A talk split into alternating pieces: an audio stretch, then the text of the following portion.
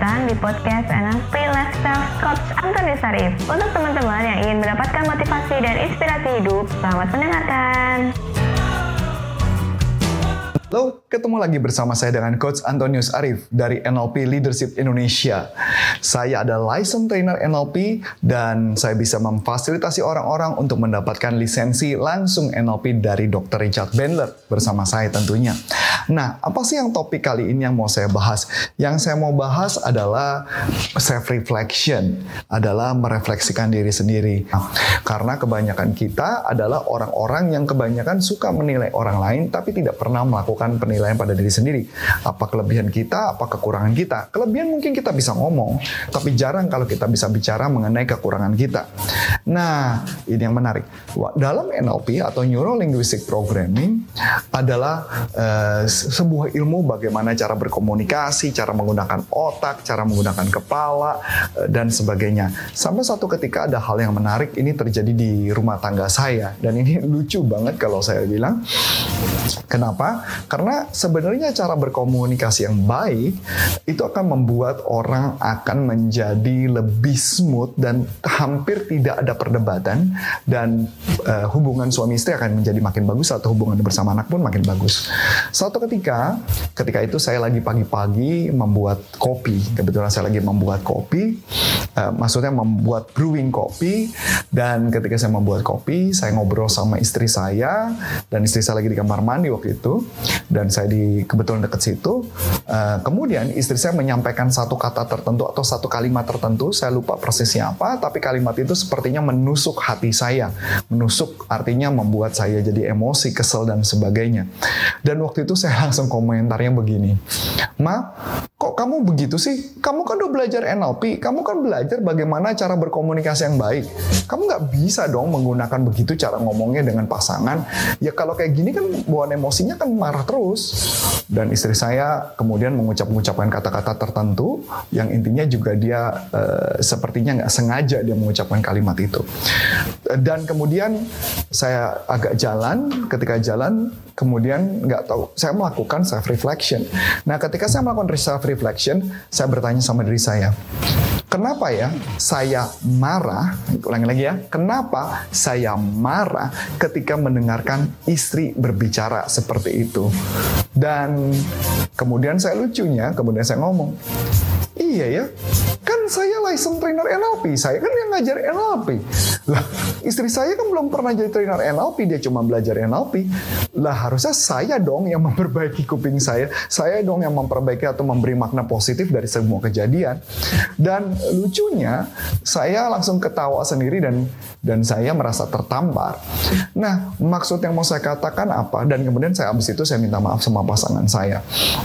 Maksud yang mau saya ngomongin apa? Ya saya bukan manusia super, saya bukan manusia hebat, tetapi paling nggak ketika berbicara sesuatu, saya menyadari ada sesuatu yang kurang dari diri saya dan bagaimana caranya supaya jangan menjadi berkepanjangan. Nah di dalam NLP itu disebut namanya reframing tekniknya, mereframing kepala sendiri.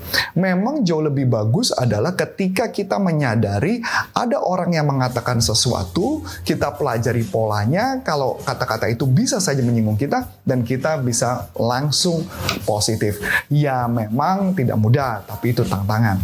Nah, tugas kita sebagai seorang NLPers khususnya adalah mencari pola-pola ketika berbicara dengan orang tertentu, khususnya pasangan.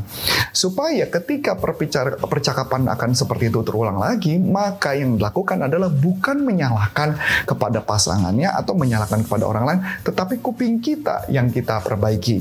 Bagaimana cara kita berpikir, mendengarkan. Karena sebagai informasi, semua hal di dunia ini melalui panca indera kita, penglihatan, pendengaran, e, peraba, dan kemudian e, perasaan, dan kemudian penciuman, dan sebagainya. So, otomatis tugas kita adalah memanipulasi pikiran kita ketika ada kata tertentu, kita bisa filter dan tidak langsung tersinggung.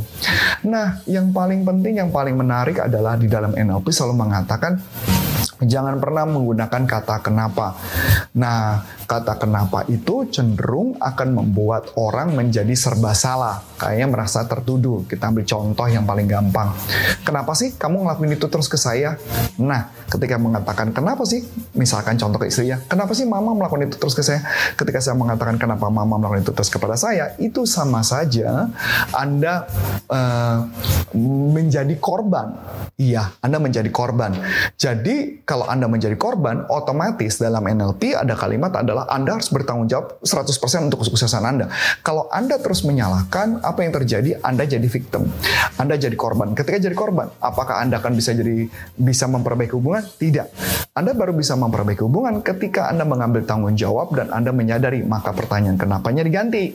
Kenapanya tidak boleh berkaitan dengan kenapa dia menjadi korban, tapi kenapa saya marah, kenapa saya tersinggung, misalkan contoh kenapa saya cemburu, misalkan saya cemburu, kenapa saya apa pun emosi kita ber, uh, ketika melihat peristiwa itu. Itu yang disebut namanya self reflection.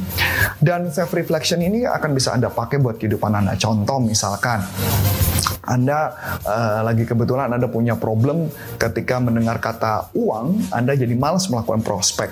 Anda ketika mendengarkan nama seseorang, Anda menjadi malas ngedevelop orang itu. Makanya mesti bisa ditanyakan, kenapa saya marah ketika saya mendengarkan nama orang itu? Gitu ya. Misalkan, ya bisa sebel banget, dia pernah nikam saya, dia pernah membuat saya kesel dan sebagainya. Kemudian kita tanya balik. Jadi yang paling penting adalah bagaimana kita melakukan self-reflection pada hidup kita.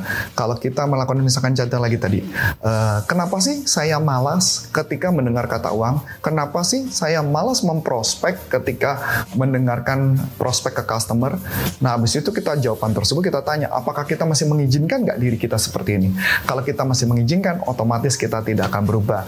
So, oleh sebab itu teman-teman, balik lagi pada diri Anda, bagaimana cara menggunakan kata-kata yang tepat ke dalam pikiran Anda.